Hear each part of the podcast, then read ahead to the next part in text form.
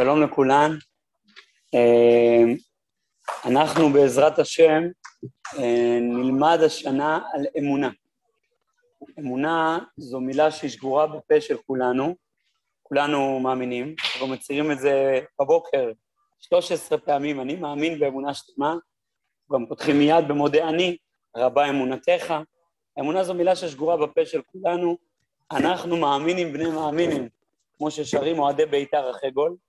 אה, אז אמונה זו מילה ככה מאוד מאוד מצויה אצלנו, רק שהרבה פעמים, ככה אומר הרמח"ל בתחילת מסילת ישרים, כנגד מה שאמיתתם גלויה לכל, כלומר ככל שדבר הוא יותר גלוי, כך, בהתאם לזה, במקביל לזה כך, האעלם מצוי והשכחה רבה. כלומר, אומר הרמח"ל, ככל שדבר יותר מפורסם, יותר נפוץ, כך הוא יותר נעלם. כלומר, כך פחות מבינים מה הוא אומר. למה? כי אם יש עכשיו איזה דבר שאנחנו לא כל כך uh, מכירים אותו, תורת הקוונטים, בסדר? אז מי שמשתמש במילה תורת הקוונטים, מן הראוי שיבין מה הוא אומר. אז הוא מנסה להבין. אבל אם יש מילים ככה נפוצות, הרבה פעמים אנחנו לא בודקים, אני כן מבין, אני לא מבין, כי כולם משתמשים בזה. זו השפה. זו אחת הבעיות הכי הכי גדולות של היהדות. ככה כותבים גם הרמח"ל וגם רבנו בחיי בספר חובות הלבבות, וגם המהר"ל מפראג כותב את זה בכמה מקומות, וגם הרב קוק מרזה בעשרות מקומות ממש בכתבים שלו. לא עובד. אין בעיה, הכל בסדר, בסדר. הזום לא עובד.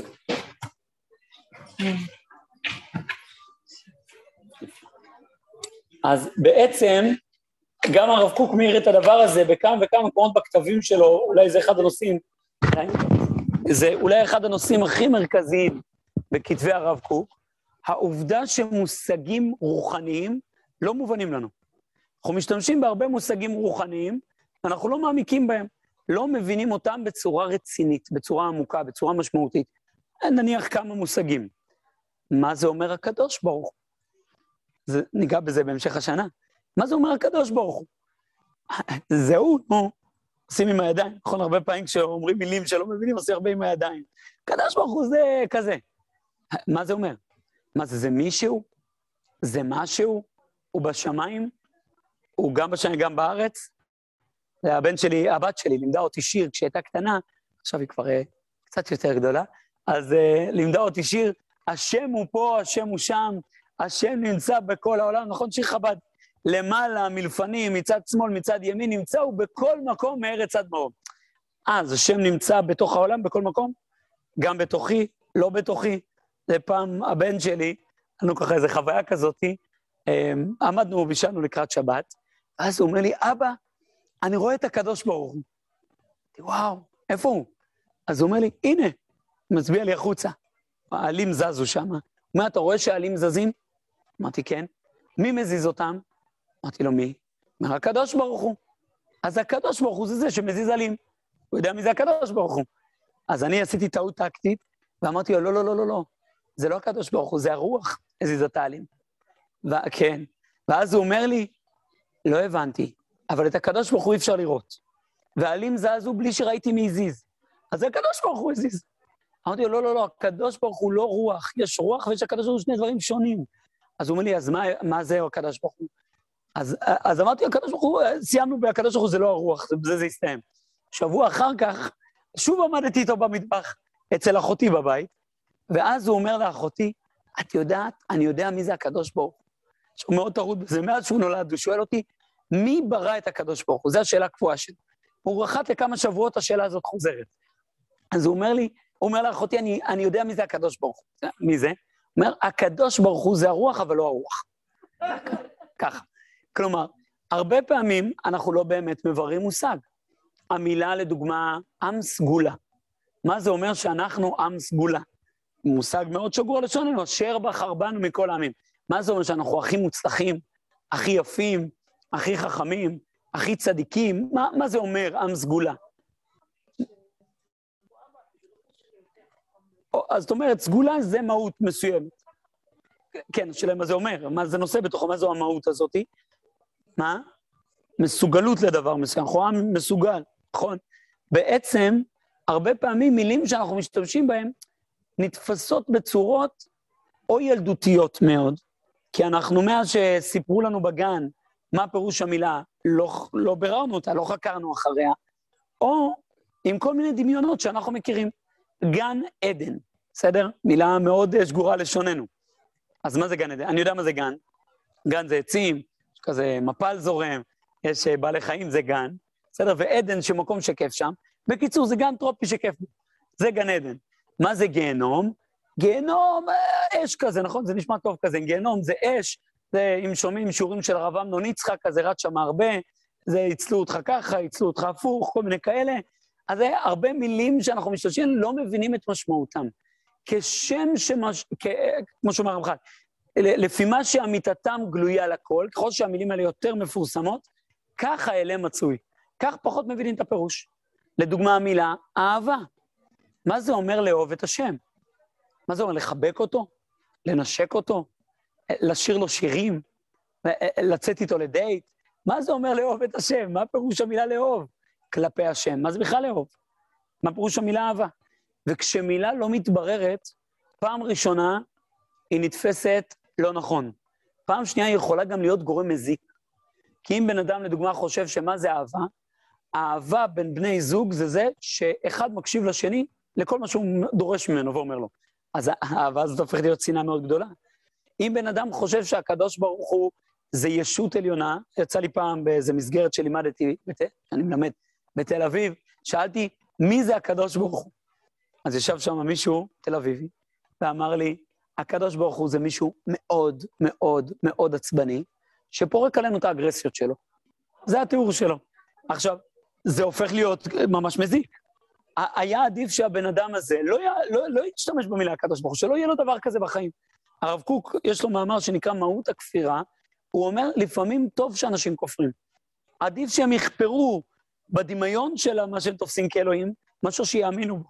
כי אם הם יאמינו באלוהים שהם מדמיינים, זה יהיה הרבה יותר גרוע מאשר זה שהם לא מאמינים. עדיף להעלים אותו. ככה הוא כותב שם על הנצרות והאסלאם, שתהליך הכפירה בנצרות ובאסלאם הוא תהליך חיובי, כי הם מסירים את כל הסיגים שהנצרות והאסלאם הביאו למושג אלוהים. אותו דבר גם המילה אמונה. המילה אמונה הרבה מאוד פעמים לא מתלבנת על ידינו. יכול להיות שאתן לי בנתי, אז בואו ננסה. מה זה אומר אמונה? כשאני אומר אני מאמין, מה אני מתכוון? שאלה לקהל. ההפך? ההפך מידיעה. מה הכוונה? תסבירי. מאמינים זה לא משהו שרואים, זה לא משהו שמוחשי, משהו שנכנס בלב חושב, וזה בלי אפשרות להוכיח ובלי אפשרות לעבוד. את אומרת, זו מחשבה שאני חושב, אבל בלי ראיות, בלי הוכחות. אין לי היגיון מסוים או לוגיקה מסוימת שהביאה אותי לתובנה הזאת, אבל זו המחשבה שלי, אני חושב שיש אלוהים לדוגמה.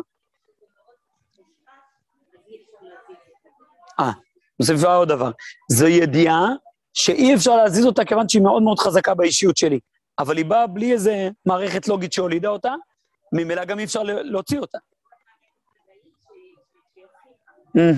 אוקיי. אז, אז סיכום, אמונה היא מחשבה לא מדעית שאי אפשר להזיז אותה. אוקיי.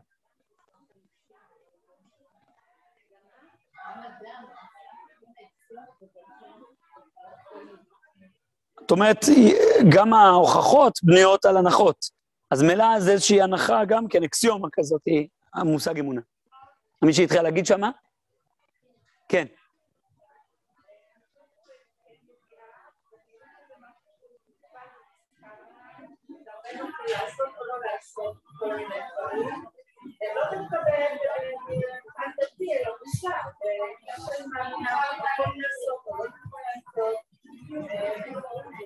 אני, אני אנסה להמיר את המילה, כלומר, אמונה זה אידיאולוגיה מסוימת? אה.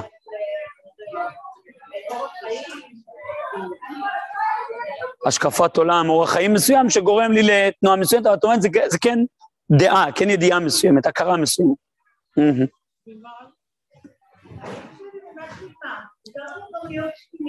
חד משמעית.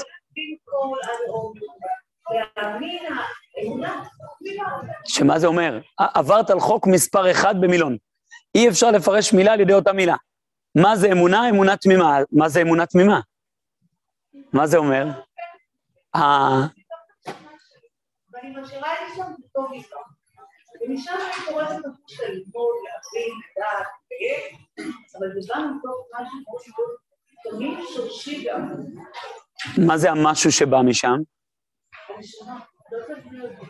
אוקיי.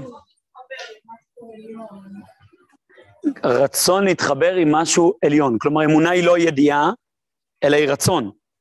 כלומר, התנועה של הרצון שלי להיות קשור למשהו גדול. אז כשאני לדוגמה... אז שוב חזרת לידיעה, ידיעה שאני לא מבין. זה ידיעה או רצון? זה הידיעה. ידיעה שאני רוצה להתחבר למשהו עליון. אוקיי. אמונה, נכון, לא דיברתי על אמונה באלוהים, דיברתי על אמונה בכלל. אמונה יכול להיות גם זה שיש לי אה, אמונה שהטוב ינצח, זה לא משהו עליון, זה אמונה ש...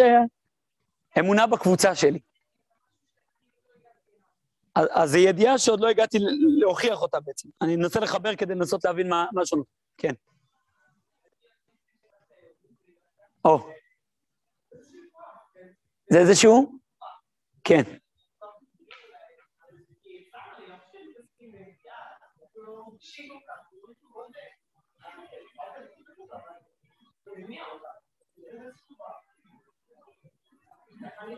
כוח מניע, זה אמונה?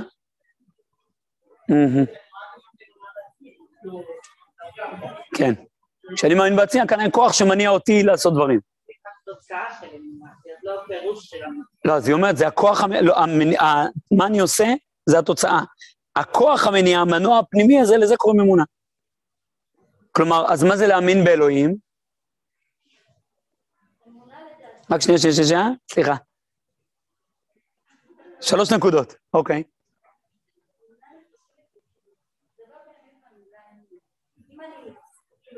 מאמינה, נגיד, לדוגמה, בן אדם שהוא נותן לי משהו, ואני גם סומכת על משהו, כאילו, נקודה מעבר מאמינה, ומה שהיא אומרת היום. כלומר, אמונה שווה ביטחון במשהו, ודאות בדבר מסוים. מה גורם לוודאות הזאתי? מה מייצר אמונה? אני רוצה לבנות למישהו אמונה. אני פוגש אנשים בתל אביב, אתה רוצה לחזק אצלם את האמונה. מה אתה עושה בשביל לחזק אצלם את הביטחון הזה? מה? מה למשל?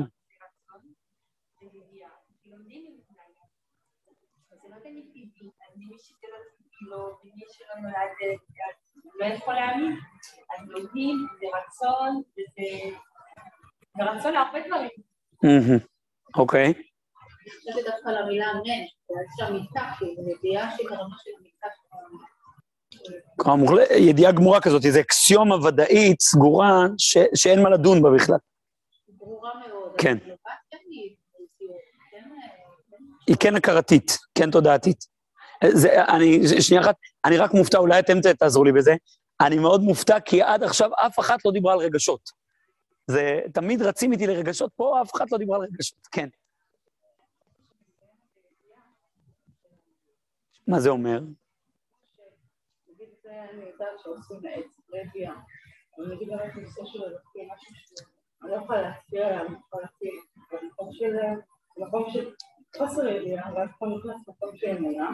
שהיא מה?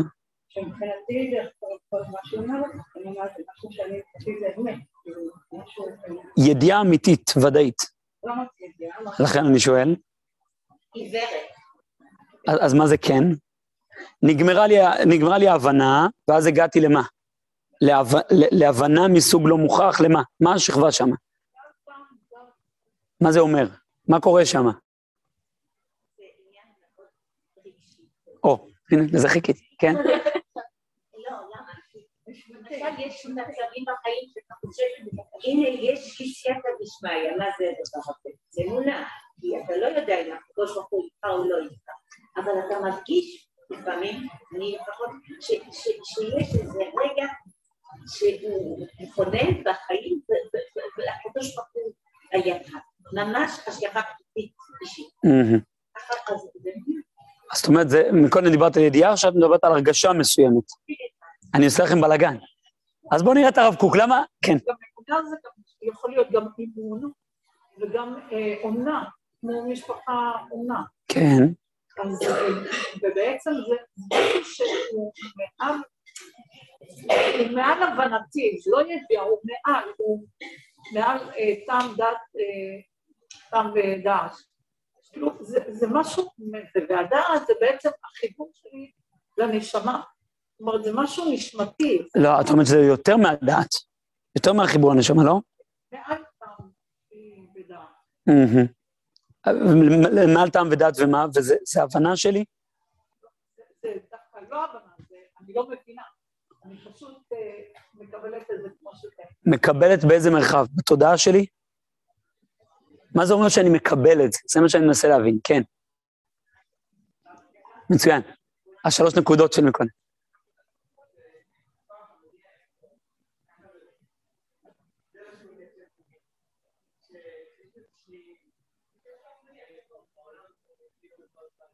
כלומר, אמרנו אמונה שווה כוח מניע, אמונה בקדוש ברוך הוא, תרגם את הקדוש ברוך הוא כהטוב. אמונה בקדוש ברוך הוא, כוח מניע אל הקדוש ברוך הוא. כלומר, אמונה אל הקדוש ברוך הוא, כן? סליחה שאני מפרק זה כדי לנסות לעשות לי סדר. בת... אה, אמונה בהשם, בטוב, לא אל הטוב, אוקיי. אז תראו, הקדוש ברוך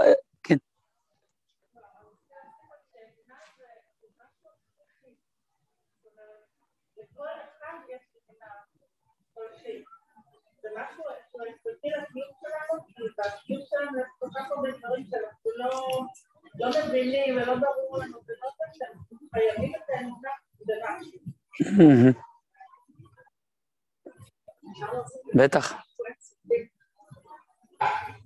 מה זה אומר?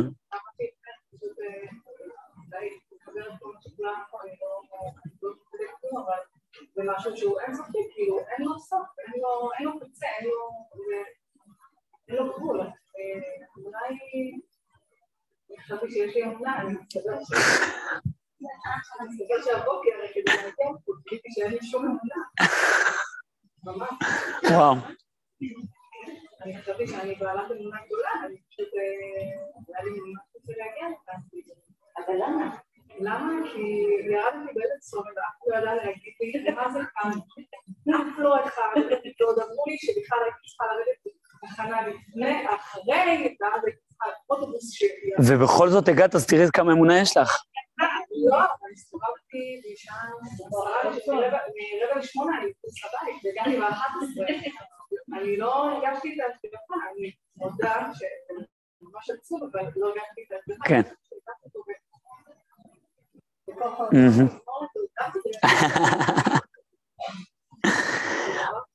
היא גם יכולה להשתנות באמונה, זה מה שרציתי להגיד. מה זה אומר? יש מצב שהיא משתנה, הרי אנשים משתנים. פעם מאמינים, לא מאמינים, חוזרים בתשובה פתאום הם כן מאמינים, וחוזרים בשאלה. אז זה לגבי הקדוש ברוך הוא, להגיד כל אמונה, אתה מאמין שזה התפקיד הכי טוב, לא כל כך טוב, יש יותר טוב. זאת אומרת, זה דינמי. כן. אז אנחנו ננסה לצעוד עם הרב קוק, הוא ייתן לנו פה כיוון חדש לגמרי. חדש לגמרי. אנחנו עכשיו לומדים את זה מכווץ, קצר. במהלך השנה אנחנו נרחיב את היריעה שהיא תהיה מיושבת, אני מקווה, בעזרת השם, כמו שצריך. אה, אה, אני מראש אומר, כל דבר נכון, זה כבר נאמר פה באיזה, בתוכנית אלול, נכון? תוכנית אלול. אז אה, כל דבר נכון שאני אומר, קיבלתי ממורי ורבי. הרב צוקרמן, זכר צדיק לברכה, הריני כפרת משכבו, כל מה שיש לי טוב זה הכל ממנו, מההורים שלי וממנו. ואם אני טועה, אז זה שלי, בסדר, זה מיוחס אליי. את כל המערכה הזאת שאנחנו נלמד השנה, הכל קיבלתי ממנו בצורה סדורה ובירה. אני יכול להגיד שלי זה פתח צוהר חדש לגמרי. אני באתי כאדם שהיה בטוח שיש לו אמונה, אחרת מאיך שאת ניסחת את זה, לי היה פחות אמונה ממך. ו- ופתאום הוא פתח לי צוהר חדש של מה זו אמונה, מה זה הקדוש ברוך הוא בכלל? מה היחס שלי עם הקדוש ברוך הוא? היה לי יחס מאוד דתי עם הקדוש ברוך הוא.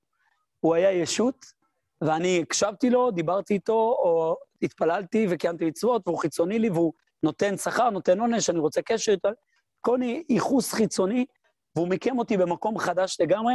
מקווה שאני אצליח טיפה להנחיל מהדבר הזה. הרב קוק אומר דבר מופלא. הוא אומר ככה, האמונה אינה לא שכל ולא רגש. נפרק את זה קודם. אמונה, שלב שלב. אמונה היא לא שכל. מה הכוונה אמונה היא לא שכל? אמונה לא נוגעת למרחב התודעה שלי בכלל. לא להכרות שלי, לא להבנות שלי, אפילו לא לאקסיומות שלי.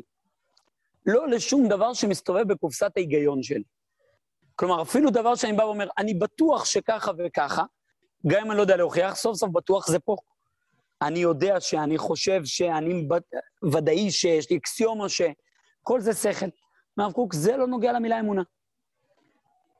למה? עוד רגע ניגע. בנוסף, אמונה היא לא רגש.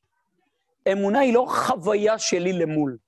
כלומר, ודאות, ביטחון, עכשיו, זה כן ודאות, אבל אנחנו נתקוע את זה מכיוון אחר לגמרי.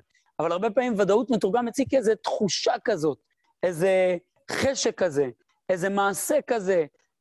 את ביטאת את זה מאוד טוב ביחס למה שהיא אמרה, זה כבר התוצאות. כלומר, רגשות מסוימים הם תוצאה של האמונה, הם לא האמונה.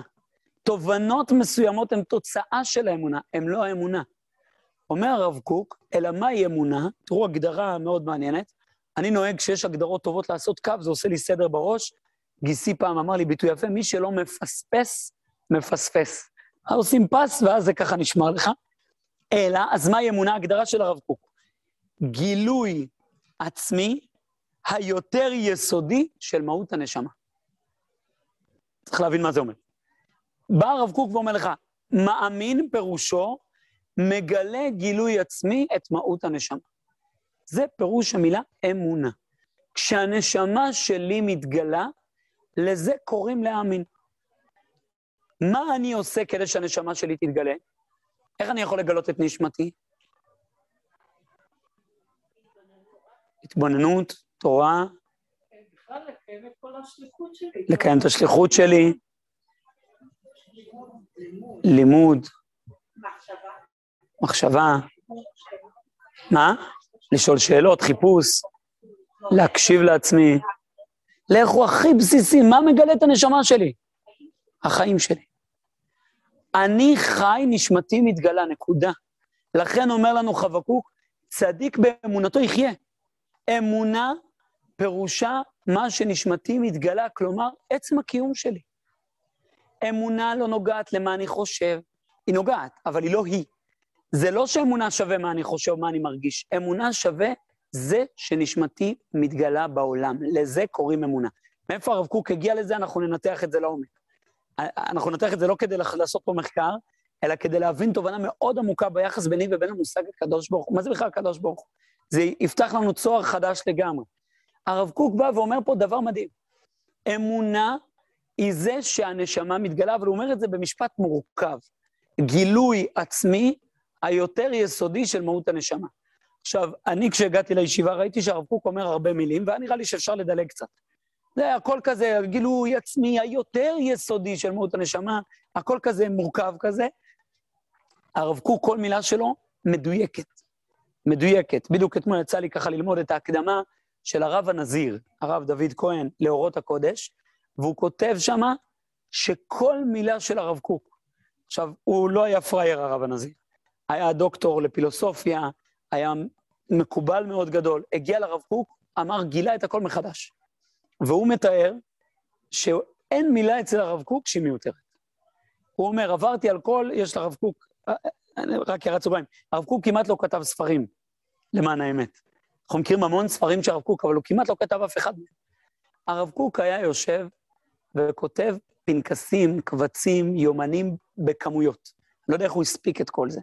הוא היה הרב של ירושלים לימים, וראש ישיבת מרכז הרב, ולפני כן הרב של יפו במושבות, ורב של מחזיקי הדת בלונדון, ורב באלף ואחד מהלכים ופרויקטים ראש דגל ירושלים, וכל כך כל כך הרבה פרויקטים, ובין כל זה, הוא פשוט היה יושב בבית וכותב, כותב, כותב, כותב בשפע אדיר.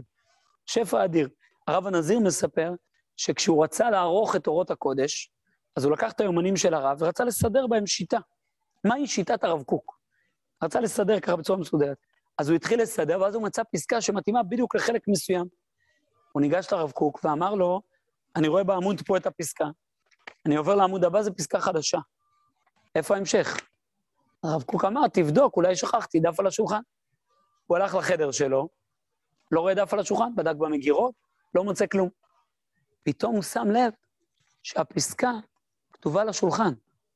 הרב קוק היה כותב בכזה שטף, שהדף נגמר, השולחן נמשך. הוא המשיך עד שנגמר השולחן, ואז הוא עצר את הכתיבה. שטף אדיר כזה. לכן הרב קוק לא הוציא ספרים.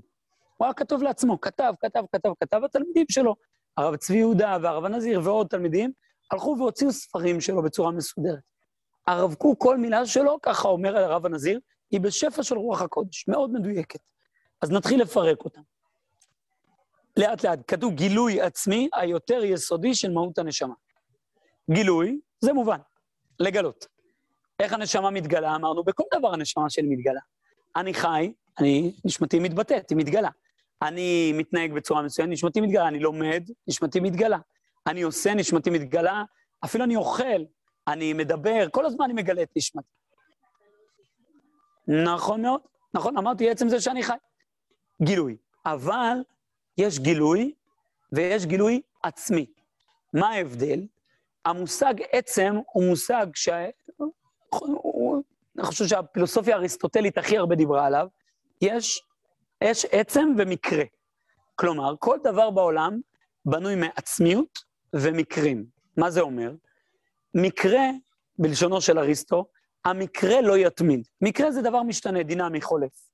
לעומת עצם, זה עצם הדבר. זה בלתי משתנה.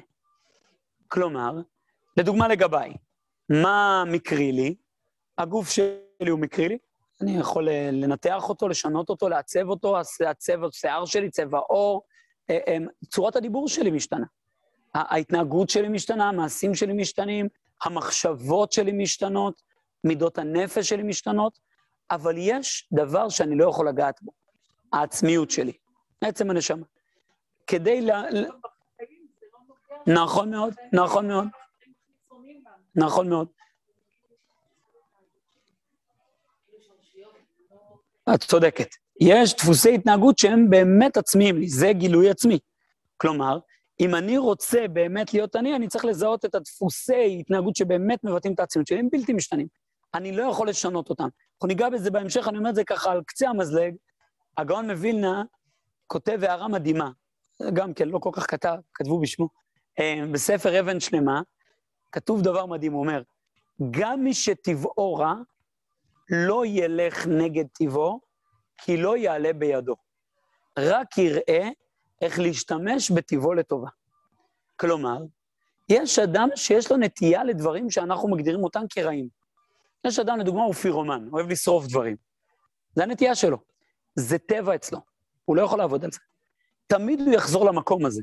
תמיד הוא יגיע למקום, אדם שהוא ורבלי מאוד, עכשיו הוא, לדוגמה, פעם יצא לי לדבר עם מישהו, מאוד מאוד ורבלי, והוא הרגיש שהוא מדבר הרבה על אנשים, לשון הרע ודברים רעים וזה, הוא החליט שהוא מפסיק לדבר. מפסיק לדבר. עושה תעניות דיבור, ונמנע מלדבר, ו... ו... ו... ו... והוא אומר, הוא פשוט לא הצליח אף פעם, הוא רק חזר לדבר. כי, אמרתי, כי זה אתה. זה אתה. יש אותי ויש את המידות שלי, זה שני דברים שונים. אומר הגאון מווינה, יש טבע ויש מידות. את הטבע אני לא יכול לתקן, אי אפשר לשנות אותו. אני יכול לתקן את המידות. מידות, פירוש המילה מידה בלשון הקודש זה בגד. ולבש הכהן מידו בד. כלומר, בגד הנשמה, לבושי הנשמה, ביטויי הנשמה, אותה, עליהם אפשר לעצב אותם, לעבוד עליהם, לתקן אותם, לשפצר אותם. את הנשמה, את הטבע שלי, אי אפשר לשנות. אדם שיש לו טבע של מנהיגות, טבע מאוד ורבלי, אדם עם טבע, אה, עם, עם, עם נטייה לדוגמה לדם, יש אנשים כאלה, מאוד אוהבים דם. בדיוק. אומרת הגמרא מסכת שבת, שמי שנולד במזל מאדים, יהיה בטוח שופך דמים, בטוח. הוא מאוד אוהב דם. עכשיו, אם הוא רשע, הוא יהיה רוצח. אם הוא בינוני, הוא יהיה שוחט. אם הוא צדיק, הוא יהיה מועל. כלומר, הטבע הזה אתה לא יכול להתכחש אליו, השאלה מה אתה עושה איתו. אתה נולד עם נשמה, עם נטייה רעה, יש דבר כזה, כן. ככה מואר בכמה מקומות. נכון. זה היה כאן הנטייה רעה. הנטייה רעה זה לא פונה לרע, זה אישיות הלשם היא נוטה. היא, היא טהורה. היא טהורה. מה זה אומר טהורה ורעה? זה לא סותר בכלל. רעה, הכוונה היא נטייה לדברים משחיתים. בסדר? למה אני עושה ככה? כי יש דברים משחיתים שהם בכלל לא משחיתים. רופא מנתח הוא משחית, אבל הוא הכי מתקן. אדם שהוא פירומן, הוא מאוד מאוד אה, אוהב לשרוף דברים, אבל, אבל בזכות זה שהוא שורף, הוא עושה תיקון מאוד גדול. בסדר? כבאי, מאוד אוהב אש, מאוד... בזה הוא מציל, מרוב האהבה שלו לאש, הוא אוהב להסתובב באש, הוא אוהב להתעסק עם אש. בעצם, לכן אני עשיתי ככה, רעה, נטייה רעה, זה לא אומר שהיא לא טהורה, היא נקייה, נשמה היא נקייה. במובן שהיא לא מלוכלכת לטובה או לרעה מבחינת ההתנהגות. אדם שיהיה מועל, אנחנו לא נגיד עליו שהוא רע, למרות שנטייתו היא לשפיכת דם. שפיכת דם זה טוב או לא טוב? אנחנו, בלי הגמרא היינו אומרים, לא טוב, לשפוך דמים דבר רע, אבל יש שופך דמים שהוא צדיק. הוא עוזר ל- לילדים, רופא, שופך דמים המון, בסדר? אחות, כל היום שופכת דמים, מוציאה דם לבן אדם בלי הפסקה. יש כאלה ממש נהנים מזה, לפתוח ורידים. אה, יש להם איזה תחביב כזה. עכשיו, זה, זה טוב או לא טוב? היינו אומרים, זה, זה טבע רע, זה לא טבע מתקן, זה טבע מזיק. אבל הטבע המזיק הזה יכול להשתמש בו בצורה נקייה, בצורה טהורה. בסדר, זה היה כאן נשמה טהורה. בעצם אומר הרב קוק, יש גילוי עצמי. יש לאדם עצם. העצמיות, כשהיא מתבטאת, לזה קוראים אמונה, גילוי עצמי. היותר יסודי, כלומר עצמיות הכי יסודית. יש כמה שכבות בעצמיות. יש התנהגות, יש תפיסות עולם, יש נטייה אישיותית, ויש את עצם הנשמה שלנו, כמה שכבות בתוכנו, היותר יסודית של מהות הנשמה. מי זו הנשמה? על קצה המזלג. אנחנו נאריך בזה בהמשך עוד. אבל, אבל מה זה אומר? אני צריך להבין טיפה מה זה אומר, מה זה הנשמה. יש לנו, ככה מתואר בבריאת האדם הראשון, של... שלוש שכבות מפורסמות. נפש, רוח ונשמה. בלשון המקובלים הם קוראים לזה בראשי תיבות נרן. נפש, רוח ונשמה. ויהי האדם לנפש חיה, וכתוב שם רוח ממללה, וכתוב שהוא היה, אמ, איך כתוב? נשמת שדי תבינם. האדם יש לו נשמת שדי, יש לו נשמה מהקדוש ברוך. מה זה או? ויש עוד שתי רמות עוד יותר גבוהות, חיה ויחידה, כרגע אני אותם בצד, הם עוד יותר פנימיות. מה זה נפש, רוח ונשמה? אז קודם כל, נחלק אותם לשתיים. נפש ורוח זה חלק אחד, נשמה זה חלק אחר. למה? כי הנשמה זה עצמיות. זה פירוש המילה נשמה. לעומת הנפש והרוח זה כבר הביטויים של העצם. הנפש תבטא את זה במעשים, בהתנהגות, במידות נפש, בהתנהלויות מסוימות, והרוח תבטא את זה בהיבטים הרוחניים של האדם, מחשבות ודיבורים ודמיונות. בעצם זה שתי שכבות שמבטאות את העצמיות שלי, שני דרכי ביטוי. כמו שאני יכול לבטא אה, אה, אה, את הנפש שלי דרך גוף ודרך בגדים. הרי כשאני לובש בגדים מסוים, אני רוצה להגיד אמירה מסוימת. אני לא סתם, כתוב בגמרא, שאל תלבש שחורים בין אלה שלובשים לבנים, ולא לבנים בין הלובשים שחורים. אדם עכשיו בא לחתונה, חלילה עם חולצה קרועה כזה של אבלים. לא מתאים. אתה רוצה לבטא שמחה, תלבש בגדים שמבטאים שמחה. אתה עכשיו מגיע בתשעה באב עם בגדים חגיגי, לא רלוונטי, לא מתאים. אתה מגיע לבית קברות עם ציציות בחוץ, לא מתאים. תכניס את הציציות, זה לא המקום. לכל דבר אני מבטא את הנפש שלי דרך הבגדים. ממילא, אותו דבר גם הנשמה. הנשמה מתבטאת דרך המלבושים שלה. הנפש והרוח נקראים מלבושי הנשמה. כותב רבי חיים מוולוז'ין בנפש החיים, הוא אומר, זה כמו מעגלים. הנפש היא המעגל החיצוני לרוח, הרוח הוא מעגל חיצוני לנשמה, והגוף הוא מעגל חיצוני לנפש. לדוגמה, בגוף אפשר לראות את הנפש, הרבה מאוד פעמים. במחלות גופניות, מחלות פסיכוסומטיות. אדם חולה בגלל קושי נפשי מסוים. אדם יכול להיות לו מחלות ממש, לפעמים טיקים, או כל מיני דברים כאלה שלא נשלטים, כהבעה נפשית. הנפש מביעה דברים מסוימים דרך הגוף. גם תנועות גוף מביעות דברים מסוימים. גם הכתב מביע דברים מסוימים. הביטויים של הגוף שלנו. גם המראה פנים. כתוב על הארי הקדוש, שכשהוא היה רואה מישהו, דרך הפנים ודרך שרטוטי היד, היה יודע להגיד עליו הכל. כל הגלגולים שלו, כל המעשים שלו, כל הרצונות שלו, הכל. למה? כי הכל נרשם לנו בגוף. הרב קוק כותב, דרך העיניים, נכון מאוד. הרב קוק כותב באורות התשובה, שבן אדם שחוזר בתשובה, אפשר לראות את זה על תווי הפנים שלו. אפשר לראות את זה, שהפנים שלו משתנות. אין לו פנים עדינות יותר. אפשר ממש לראות את זה בחוש. שהאדם ממש, זה מתבטא, זה הזכרנו פה כשבאנו לרב צוקרמן, שממש חוכמת אדם תאר פניו. מי שראה את הרב צוקרמן, ראה, כמו שכתוב על רשב"י, ראה פניו מאירים. ממש, זה הארת פנים. כתוב? תמיד עם חיוך, תמיד עם חיוך. חוכמת אדם תאיר פניו. זה, זה ממש ניכר. הנפש ניכרת בגוף. שכבה יותר פנימית, הרוח, העולם הרוחני שלי, תפיסות העולם שלי, האידיאולוגיות שלי, עולם הציורים והדימויים שלי, מתבטא בנפש שלי, במידות, במעשים, בהתנהלות, בהנהגות החיים שלי, יותר פנימי. הרוח מבטאת משהו מהנשמה. המחשבות שלי, הרצונות שלי, הדמיונות שלי, הדיבורים שלי, מבטאים עוד יותר את הנשמה. הנשמה היא אני. אנחנו צריכים להבחין בין אני למה אני עושה. הרבה פעמים אנחנו טועים בדבר הזה. אנחנו אומרים, אני זה מה אני עושה. מי אתה? נכון, אתה בא למקום. מי את? אני עובדת בזה, אימא ל... ככה, אתה, אתה... אנחנו מתארים מה אני עושה. אנחנו צריכים להבחין. מי אני? אני לביא. זה אני. זה, זה, השם הוא נוגע לעצמיות, באופן מאוד מאוד מהותי, ככה הארי הקדוש והמהר"ל מעריכים מאוד, ששם מבטא נשמה. כשאדם... לא, בגלל, בגלל שאדם לא בחר בשם. רוח הקודש, רוח הקודש. זה פעם ששאלו את רב אברום שפירא, באו אליו זוג הורים, אמרו לו, אנחנו מתלבטים איך לקרוא לבן שלנו. ככה, ככה. הוא אומר, תגידו, אתם נורמלים? יש לכם רוח הקודש פעם בחיים, ואתם נותנים לי אותה? קחו אותה, תבחרו איך לקרוא לילד. זה באמת רוח הקודש. אני יכול להגיד, אה, מכיר איזה רב צדיק אחד, שהרבה מתייעצים איתו על שמות. עכשיו, עשיתי מחקר במשך, אתה יודע כמה שנים, אני ככה עזרתי לתווך על שמות אצלו, חמש שנים, שש שנים, לא זוכר כבר כמה, קבוע, זה דבר מדהים. אני שואל, לפני, בשביל המחקר שלי, אני שואל, איזה שם אתה אבא רצית? איזה שם אתה אמא רצית? ואני לא אומר לו. אני אומר לו, זה השמות על הפרק. קבוע, קבוע, קבוע הוא אומר את השם שהאמא רצתה. בלי שהוא יודע. קבוע, השם שהאמא רצתה, זה השם שהוא מעדיף. זה דבר מדהים. זה מעניין. רוח הקודש, גם יש איזה מקור, שרוח הקודש היא אצל האם, לא אצל האבא. יש בזה דיון בהלכה, מה קורה כשהם מתווכחים.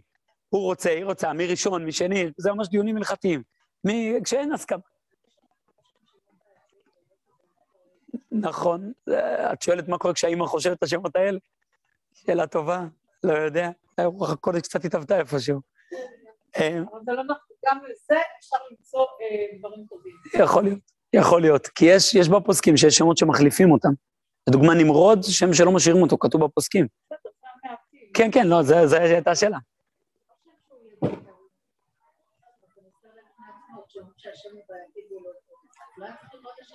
שאלה טובה. משמע מהפוסקים שלו. כן. אז זה כנראה הרוח קודש הביחד שלהם יוצא דרך האבא, אם האמא מסכימה. כן, אז זה בסדר. אה,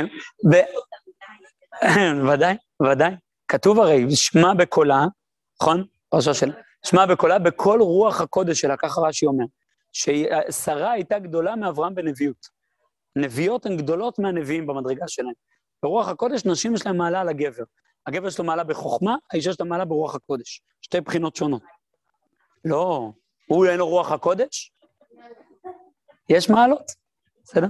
כלומר, באמת, העצמיות, אני חוזר חזרה, יש את האני שלי, העצמיות שלי. העצמיות זה הדבר הבלתי משתנה שבי, הקבוע בי. לדוגמה, אני אתן ככה דוגמאות, אנחנו נפרק אותן בהמשך באריכות. מה עצמי לי? מה בלתי משתנה לגביי? זה שאני אני, קודם כל. אני, כמו שאומר הפיוט הנפלא, הפיוט העתיק, אבל אני תמיד נשאר אני. נכון? ככה אומר הפיוט. אבל אני תמיד נשאר אני. בעצם, יש את העצמיות, זה אחד. שתיים, הקשר שלי עם ההורים שלי. אני לא יכול להחליף הורים. זה עצמי לי. אני לא קיים בלי ההורים שלי, וזו הסיבה שכשאנחנו בתורה קוראים לבן אדם בשם, אנחנו קוראים לו תמיד, הוא בן אבא, הוא בן אימא, כל הזמן. כל הזמן. זה גם בתנ"ך, זה מלא מזה. כשקוראים לנשיאים, זה בין זה, זה בין זה, זה בין זה. מה? לא בין אימא, אלא אם כן אנחנו מדברים על הקיום הגופני. בתפילה לרפואה, בין אימא. בפטירה של בן אדם, זה מחלוקת אשכנזים-ספרדים. ספרדים על שם האימא, אשכנזים על שם האבא, נכון? ספרדים על שם האימא, אשכנזים על שם האבא. כי האימא היא מקיימת את הגוף של הוולד. האבא, הוא יוצק בו את הצדדים הנפשיים, זה, זה יש בזה חלוקה פנימית, כי זה לא הוא את הנפש והיא את הגוף. כי היא את הנפש, יש שתי שכבות בנפש, זה נקרא אודם ולובן בגמרא. כתוב שהאימא נותנת בו את האודם והאבא נותן בו את הלובן. שתי בחינות בתוך האישיות שלו. החלק היותר קיומי שלו בנפש תלוי באימא, והחלק היותר לובן מתאר תמיד את הצדדים היותר מופשטים מהגוף, זה הצד של האבא. שתי בחינות שהן ניתנות. כתוב, רבי צדוק הכהן מלובלין אומר, שזה גם חילוק בין בן לבת. הוא אומר, הבן הוא בעיקר סופג מהאימא, לא, לא, לא חינוכית. אנחנו תמיד כאילו רצים לחינוך, לכל מיני תסביכים כאלה ואחרים, אבל הרבה לפני. אומר רבי צדוק, מה? והוא מביא לזה ראיות, הוא מביא לזה כמה וכמה ראיות. הוא אומר, לדוגמה, זאת הסיבה שצריך לשאת בת תלמיד חכם. תסתכל על אבא שלה. והוא מביא על, על בן שצריך להסתכל על האימא שלו. אני לא זוכר את הלשון, כתוב על... מביא, הוא מביא לזה ראיה, אני לא זוכר, יש לשון בגמרא, שהבן נבדק על ידי אימא. יש קשר מהותי בין בן לאימא ובין בת לאבא באופן קיומי. לא רק באופן שתסביכים אחר כך, אה, שכל מיני אה, פסיכולוגים ופילוסופים. יש קשר ממש קיומי. אופי המהותי, הלא משתנה, השורש של האופי. נכון, אבל אופי, נגיד, יש אדם שהוא כעסן, זה כן משתנה. זה אופי שאפשר לשנות אותו, אדם יכול להפסיק להיות כעסן. אז אנחנו, או, זהו, צריך לש... באופי להבחין בין טבע לבין מידות. איך, מה ההבחנה? זה, בהמשך שנה ניגע בזה יותר באריכות. נכון. שמע זה טבע, הייתי מגדיר את זה עצמיות. נשמה היא עצמיות. בדיוק. זה האני שלי, הלא משתנה. לדוגמה, עוד דבר שלא משתנה לגבי אני בן אדם. יכול להיות שאני אתנהג לא כמו בן אדם, יחשוב שאני לא בן אדם, מרגיש שאני לא בן אדם. זה יש איזה כמה וריאציות, טראזן, מוגלי, או בעולם הקדושה האינדיק של רבי נחמן, בסדר? הוא בטוח שהוא לא בן אדם, אבל הוא בן אדם. או, פה זה הערה נוספת. יש עוד דבר שנקרא, אני טיפה אשנה, מה? או, גם מין. מין הוא דבר מהותי, אפשר לנתח גופנית, להיראות כמישהו אחר. אפשר גם לחשוב שאתה מישהו אחר ולהרגיש שאתה מישהו אחר, זה לא עושה אותך מישהו אחר. זה לא גורם לך להיות אחרת. יכול להיות שאתה מרגיש ככה, מתחבר יותר לדבר מסוים, גם נראה ככה, אפשר לנתח את הגוף ממש, אבל זה לא הופך אותך להיות מישהו אחר. עכשיו, אמרתי יהודי, אני מסכים לגמרי, אני רק אנסח את זה בשפה שלי, אם זה בסדר, ישראלי. אני לא, יהדות, וגם נאריך בזה, איננה דת. היהדות היא לא דת, כי דת זה דבר בכירי. הדת היא שייכת למרחב הנפש, הרוח, מה אני חושב, מה אני מרגיש, מה אני עושה, איך אני מתנהג. לשם שייך מרחב הדת. אנחנו לא דתיים, היהדות איננה דת. אנחנו ישראלים. היהדות היא לאום. לאום. ובמה שאני נולדתי, לאימא ישראלית, אני ישראלי. אני חלק מהאומה הישראלית. בעצם לידתי. אבל אני לא מתנהג ככה. אני בדיוק, אה, יצא לי ככה לשבת עם זוג. אה, אה, זה, אין הבדל באמת, רק שאנחנו הרבה פעמים משתמשים בטרמינולוגיה הזאת. יצא לי לראות, יש את האלון שבת הזה של, של חב"ד, שיחת השבוע, נכון? ככה זה נקרא. אז הם עשו שם מחקר לפני שנים. מחקר, מה אתה יותר, יהודי או ישראלי? והם נורא שמחו שהרוב ענו שהם יותר יהודים מאשר ישראלים.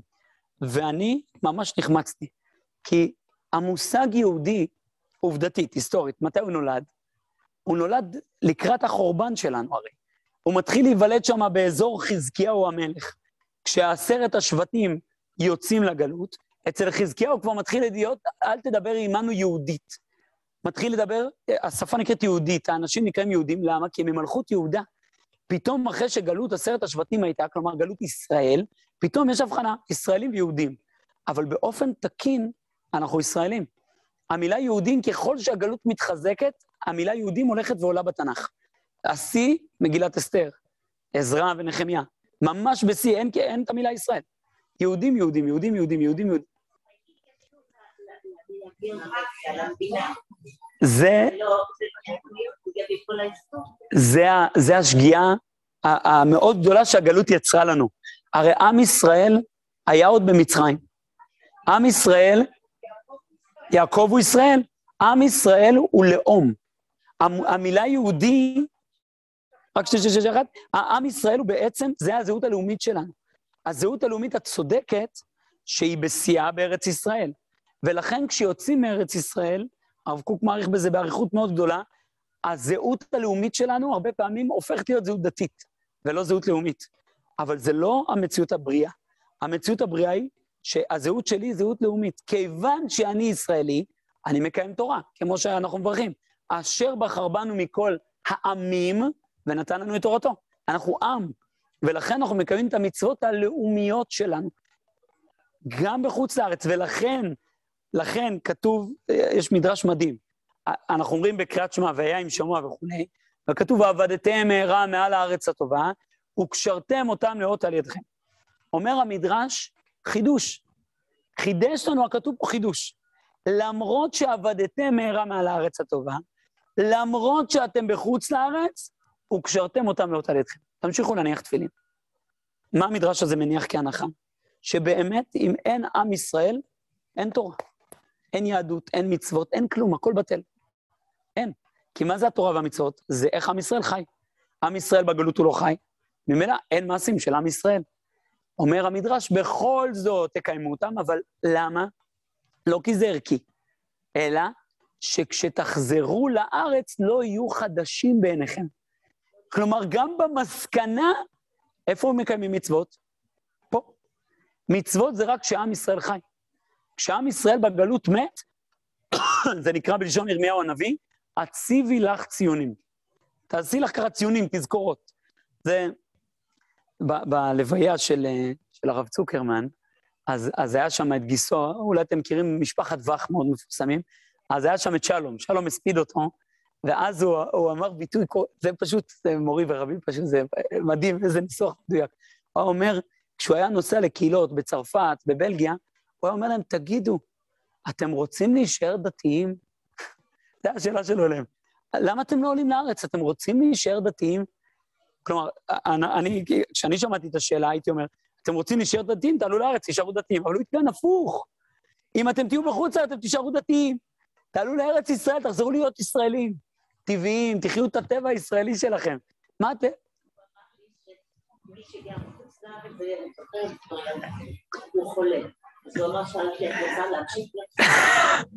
זהו, זה...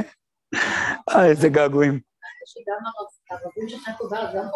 זה בדיוק התקלה שלנו. אנחנו, אשמים בתקלה הזאת, עולם התורה.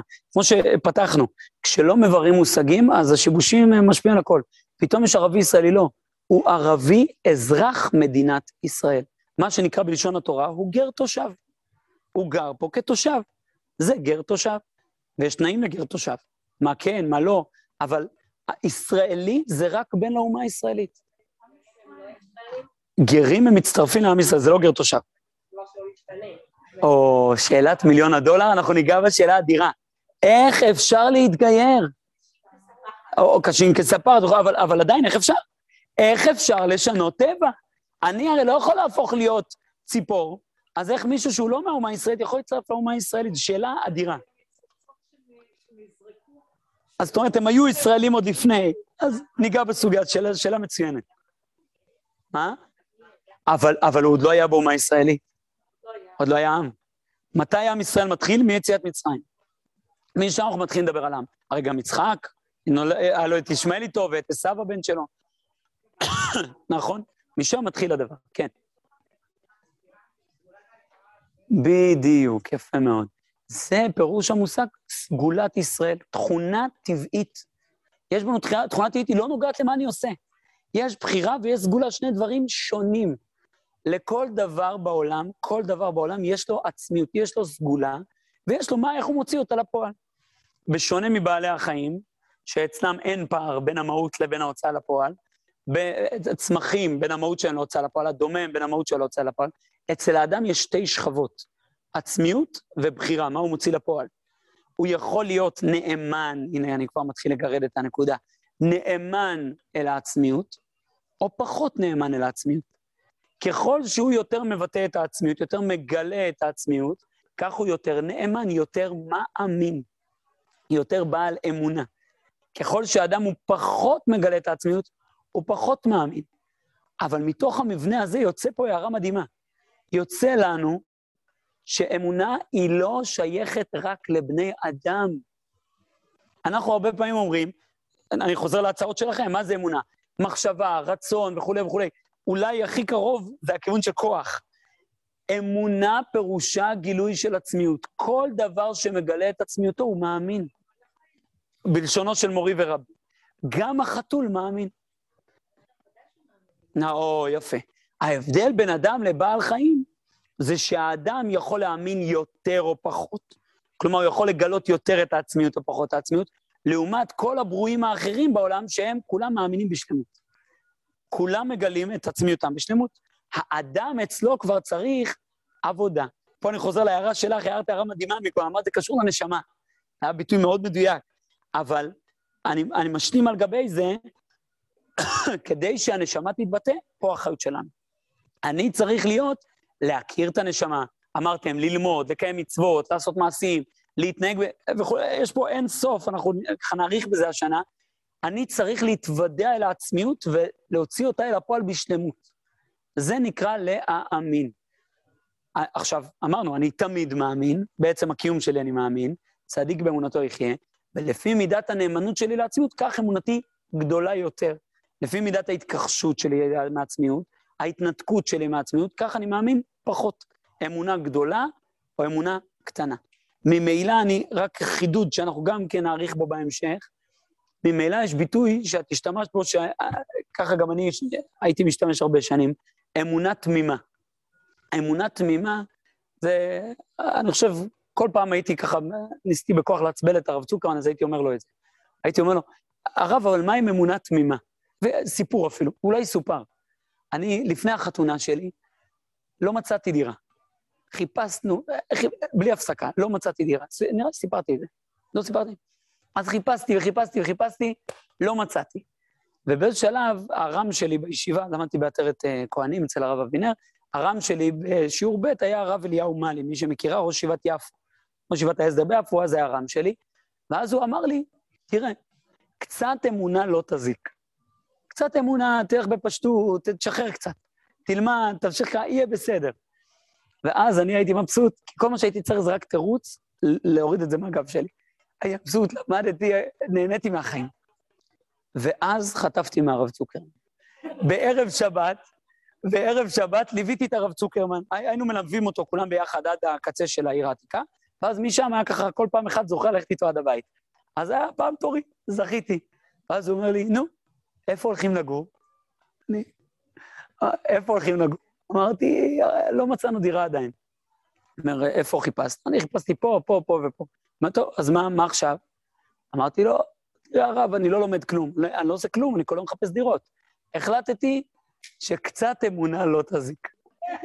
בשנייה שאמרתי את זה, היינו, מי שמכירה קצת את ירושלים, היינו בגן העצמאות. מגן העצמאות עד הבית שלו בשערי חסד, חטפתי מבול. מבול. אנשים הסתכלו עליי ברחוב, בן אדם בן שבעים, אז הוא היה בן שבעים, לא, קצת לפני שבעים. בן אדם בן שבעים צועק על אה, נער בן עשרים באמצע הרחוב, צועק עליו, מה אתה עושה? והוא אמר לי, תתבייש לך, אתה חסר אחריות. הוא אומר, אשתך יודעת שאתה לא אחראי? אני אתקשר להגיד לה אם היא מתחתנת. אני אתקשר להגיד לה, מה אתה, רבי עקיבא? אתה תגור באסם? אתה תלקט לה חיטים מהשיער? איפה האחריות שלך? טה, טה, טה, טה, טה, ממש בלי הפסקה. הגענו לכניסה לרחוב שלו, הוא נותן לי חיבוק. אומר לי, זה רק אני אוהב אותך. ככה יצא. עכשיו, למה? כי הרבה פעמים הוא היה מחדד לנו חידוד מאוד חשוב, שאמונה תמימה, פירוש המילה תמים, פירושו שלם. אמונה תמימה פירושו גילוי שלם של העצמיות. ממילא, אם ההיגיון לא עובד, אז יש חיסרון בגילוי. זה לא מתגלה גם דרך ההיגיון שלי, גם ההיגיון צריך להיות שותף בגילוי. האם זה אומר שאני יכול להבין את הכל? לא. אבל זה אומר שההיגיון צריך להיות שותף כמה שהוא יכול. הלימוד, ההבנה, היא חלק בלתי נפרד מהאמונה. אנחנו הרבה פעמים חושבים שללמוד זה הפוך מאמונה. להבין זה הפוך מאמונה. לא, להבין זה ביטוי של האמונה. זה השלמת האמונה. האם להבין שווה אמונה? גם לא. אמרנו, אמונה אינה לא שכל, אמונה זה לא ההיגיון שלי, לא התובנות שלי. אמונה זה מה שהעצמיות מתגלה. חלק ממה שהעצמיות מתגלה, היא מתגלה גם בתובנות, בהכרות, בתודעות. חלק מזה. אז, אז אם אני אנסח את זה, אני אענה לך כמו שאת ענית לה. האמונה היא הגילוי של הנשמה. במה זה מתבטא, כמו שאמרת, זה כבר התוצאות. התוצאות זה ידיעה, התוצאות זה הרגשה, התוצאות זה רצונות, התוצאות זה התנהגות, התוצאות זה... לא, בדיוק הפוך. זה לא מגיע אל הנשמה. אמונה, אנחנו הרבה פעמים חושבים שאמונה זה תנועה מבחוץ פנימה. הרב קוק אמרנו בדיוק הפוך. זהו. נכון. נכון, לא אני, הרב קוק. הרב קוק אומר, זה גילוי של הנשמה, זה נקרא אמונה. אתה לא צריך לעשות כלום כדי להאמין. אדם הוא תמיד, מה זה אדם? כל בריאה היא מאמינה, הכל מאמין. נכון, כדי להגדיל את האמונה, אני צריך שהאמונה תתלבש במעשים שלי, ותתבטא במחשבות שלי, ובלימוד, וברגש, וברצון, וזה כבר הגדלת האמונה.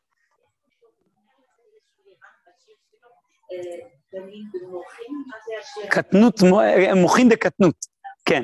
אז יש מוחין דקטנות ויש מוחין דקטנות, נכון, נכון, נכון, נכון, כן.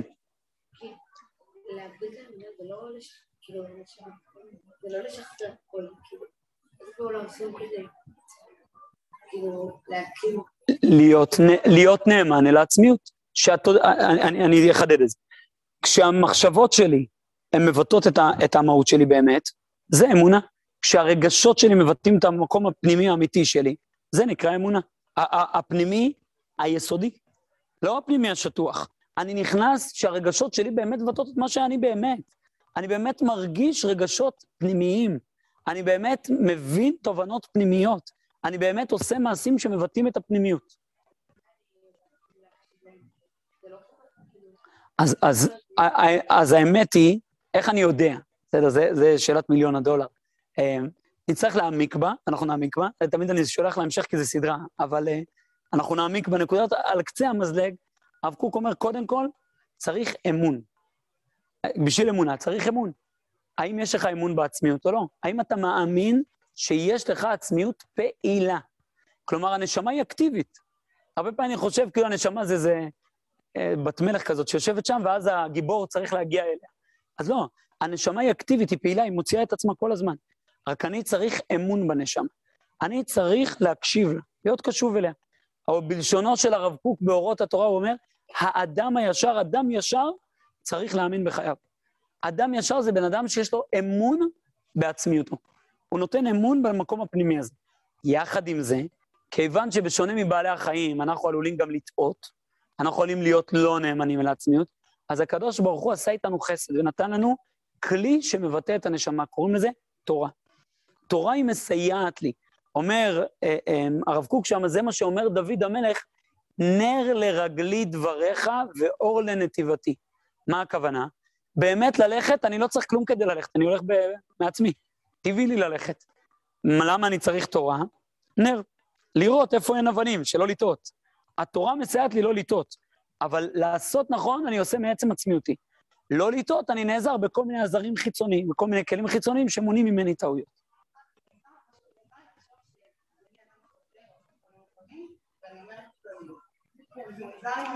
נכון, נכון. נכון. כי, אנחנו מעוותים את המילה אמונה, אנחנו הקמנו אותה.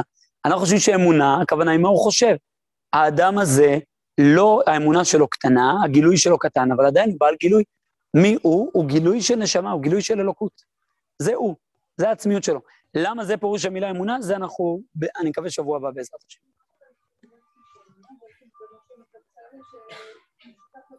נכון, נכון, נכון. לא רק, לא רק לבני אדם אפילו. אמונה היא... אני, אני מתלבט אם כבר להניח את ה... אני לא אניח עכשיו פצצות, תן לי לשמור להמשך. אבל אמונה היא לא מתחילה מאיתנו. זה מה שאת אומרת בבוקר. מודה אני לפניך, רבה אמונתך. שלך בנו, השם מגלה בנו את האמונה. האמונה לא מתחילה ממני, האמונה מתחילה ממה השם מגלה בי. או בלשונו של הרב צוקרמן, אנחנו תמיד שניים, המודע שלי ומה השם מגלה בי. שני מרחבים יש בתוכי. כן.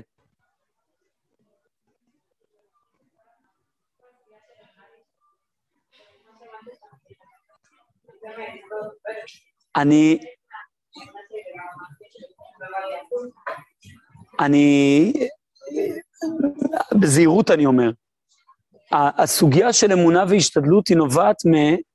הביטוי הזה, לא שלך, הביטוי הזה שנמצא בספרים, הוא נובע, ככה הרב קוק מאיר בכמה מקומות, מחוסר העמקה במילה אמונה. כי התרגום של אמונה והשתדלות זה האם אני סומך או עושה. זה אמונה והשתדלות. האם אני מאמין שיהיה בסדר וסומך, או האם אני עושה. כלומר, אמונה זה לסמוך שמישהו יעשה בשבילי.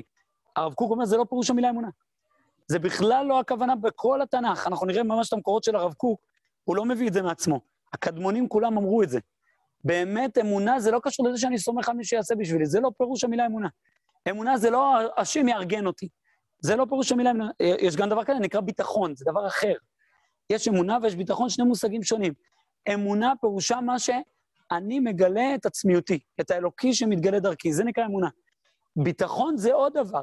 כיוון שאני בטוח שהנשמה מתגלה, שהאלוקות מתגלה בעולם, ממילא יש לי מידה של ביטחון, של ודאות. הביטחון הזה, פה, פה מתחיל דילמה. מה גבולות הביטחון? מתי אני בא ואומר, אני נותן לדבר לקרות, ומתי אני שותף, פעיל, דואג, אחראי. בסדר? אז זה כדי לחדד, זה ביטחון והשתדלות, ולא אמונה והשתדלות, ולכן זה, זה שתי סוגיות שונות בעיניי. מובן ה... כן, בסדר.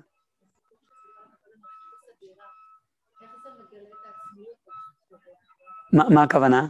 לא, חידדתי שם שאמרתי אמונה, אה? אמונה תמימה. אז הרב צוקרן אמר לי, זה, זה לא אמונה. אני הבנתי שאמונה, זה הכוונה היא, הוא יסדר אותי. זה נקרא אמונה. אז הוא בא ואמר לי, זה לא אמונה, זה חוסר אחריות. זה לא נקרא אמונה. אמונה זה זה שאתה נאמן למה הקדוש ברוך הוא תובע בך, מה הוא מגלה בך. שאתה, ככל שאתה מבטא את זה ונאמן לזה, ככה אתה יותר מאמין. יכול להיות שלא, נכון, נכון, מסכים לגמרי.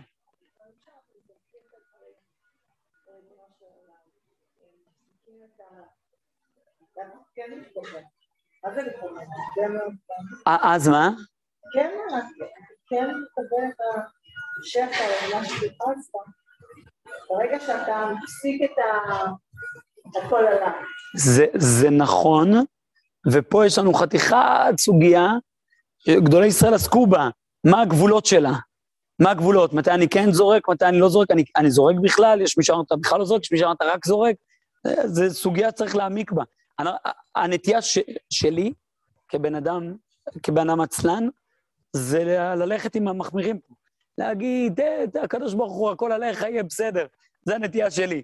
אבל כנראה שהתורה רוצה להוציא אותי משם. היא רוצה קצת שאני אדאג להוציא את הדברים, יש אותה. את צודקת שצריך גם להיזהר לא להיות יותר מדי אנושי. הכל אני, הכל מתחיל ממני, זה הגאווה הכי חמורה שיש.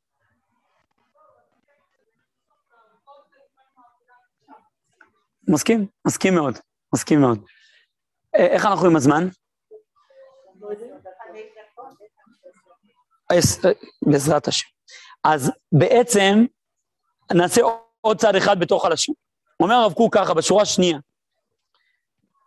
האמונה, אני קורא שוב מההתחלה, האמונה אין לה שכל ולא רגש של הגילוי עצמי יותר סודי של מהות הנשמה, שצריך להדריך אותה בתכונתה.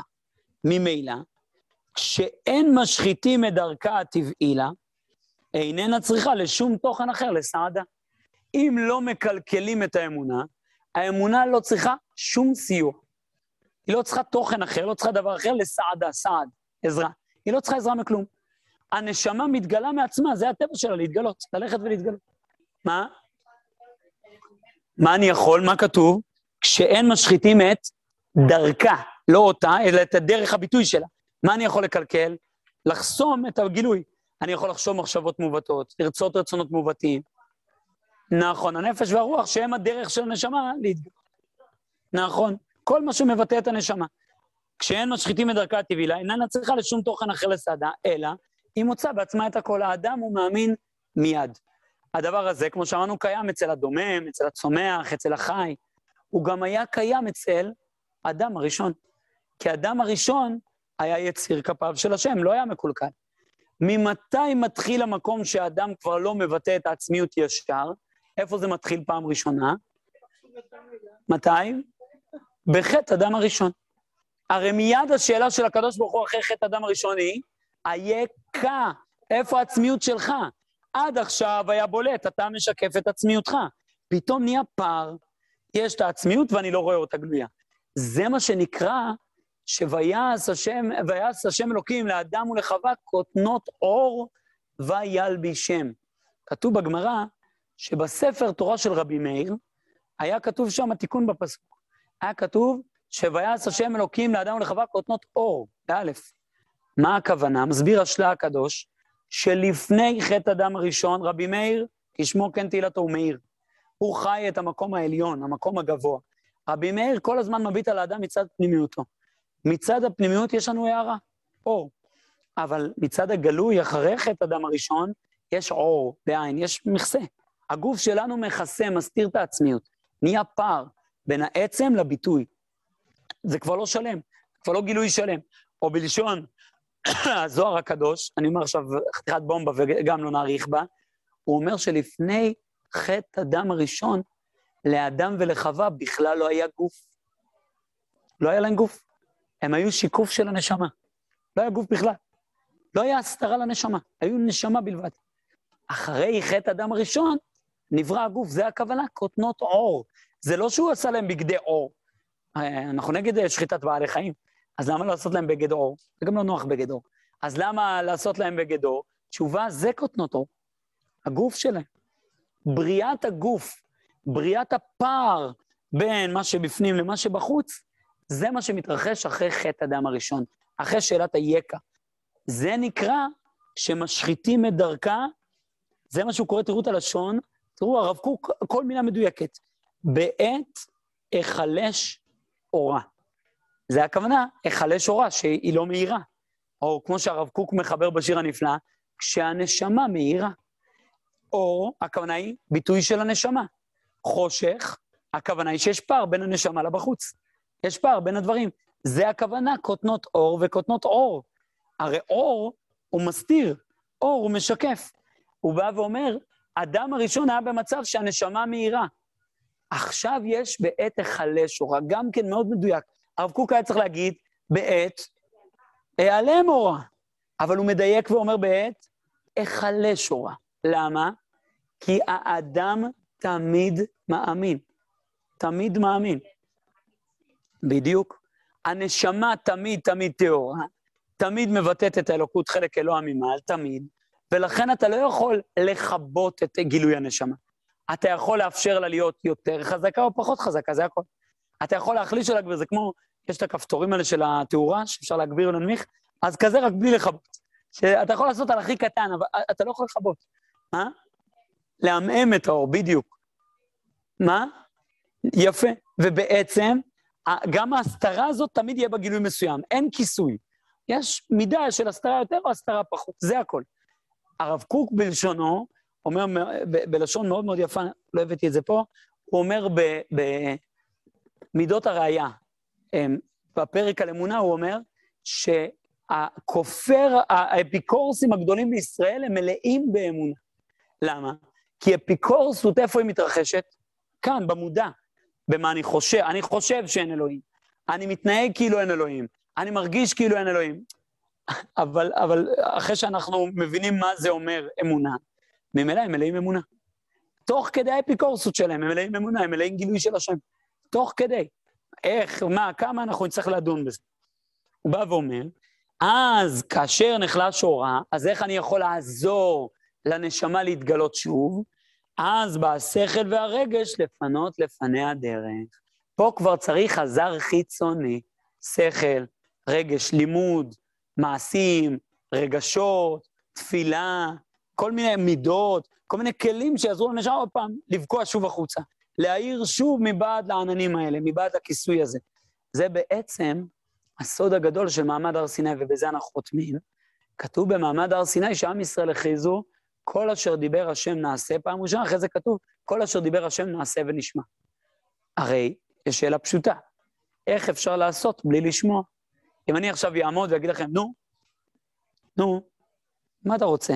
תגיד מה אתה רוצה, נעשה בשמחה, אתה לא מדבר, לא נעשה. איך יכול להיות שעם ישראל יעשה לפני שהוא ישמע? אתה להגיד, כל אשר דיבר השם, נשמע, ונעשה. או, אומר הרב קוק בדיוק את ההערה הזאת, הוא אומר, מה אני צריך לשמוע ולעשות ומה אני עושה בלי לשמוע? הוא אומר, דברים חיצוניים לי, אני צריך שיגידו לי ואז אני עושה. תגיד לי איך נוסעים למקום מסוים, זה חיצוני לי, אז אני אגיע. תגיד לי איך אה, עושים תנועות מסוימות, אז אני אעשה. אבל דברים טבעיים לא צריך לשמוע. הרי תינוק, הוא יוצא מהבטן של אמא שלו, מיד יש לו אינסטינקט יניקה. איך למדת? הרי האמא עוד לא הייתה בסדנת הנקה, ואתה כבר יודע לנהוג. איך זה קרה? זה קרה כי זה טבעי. הרב קוק יש לו שם ניסוח יפה, לבכות, לנשום, זה תנועות גוף הכי פשוטות, אדרבה. התנועות של ילדים הן הרבה יותר טבעיות ובריאות מתנועות של מבוגרים. מי שמכיר שיטת אלכסנדר. אלכסנדר, הוא בא והוא אמר, איך אני יודע לזהות תנועות בריאות? אני הולך להסתכל על ילדים קטנים. מה טבעי לילדים לעשות? זה התנועות, כאלה תנועות אני צריך לעשות. כך נראות תנועות טבעיות, תנועות בריאות. למה? כי זה לפני שאתה מקלקל בתודעה האנושית. מה אני חושב שצריך? לפני שאתה דוחף את השכל. נכון? אני חוזר ל- לראשית, לשורש של הכל, וזה הנקודה של נעשה ונשמע. במעמד הר סיני, אומר הרב קוק, זה היה אירוע האמונה. כלומר, שמה התגלה מי אנחנו. זה אותיות המילה אמונה. אמונה זה אותיות מה אנו. מה אנו. פתאום גילינו, מה אנחנו? מי אנחנו? אנחנו זה זה. זיהינו, כן, זה אנחנו. או, או, ככה, דרך מה שאני אומר, סוג של ניתוח לב פתוח. הקדוש ברוך הוא בא והראה לנו, אתם מזדהים עם זה? זה טבעי לכם או לא? ברור שכן, נעשה. זה כל כך טבעי, אנחנו לא צריכים שתלמד אותנו. אז למה צריך נשמע? עם ישראל בהתחלה אומרים כל אשר דיבר השם נעשה, ואחרי זה נעשה ונשמע. למה? כי בהתחלה עם ישראל אומר, זה טבעי לי, נקודה. אחר כך אומרים, אבל עוד רגע ייגמר מעמד הר סיני, החושך יכרס ארץ, ואז נחזור לפער. בשביל זה נצטרך נשמע. מה הכוונה? אנחנו צריכים גם עזר. צריכים גם ספר שיעורר בנו כל הזמן מי אנחנו. מה אנחנו, מה טבעי לנו, מה התנועות הפנימיות שלנו, איך אנחנו חיים את העצמיות שלנו. שזה העניין של התורה שנקראת תורת חיים. היא כלי, היא, היא ספר שמבטא מה טבעי לי, מה חי בתוכי. טוב, יש פה הרבה נקודות שאנחנו נאריך בהן, נעמיק בהן, ונרחיב נקודות נוספות בעזרת השם. שיהיה לכולן יום טוב ומבורך.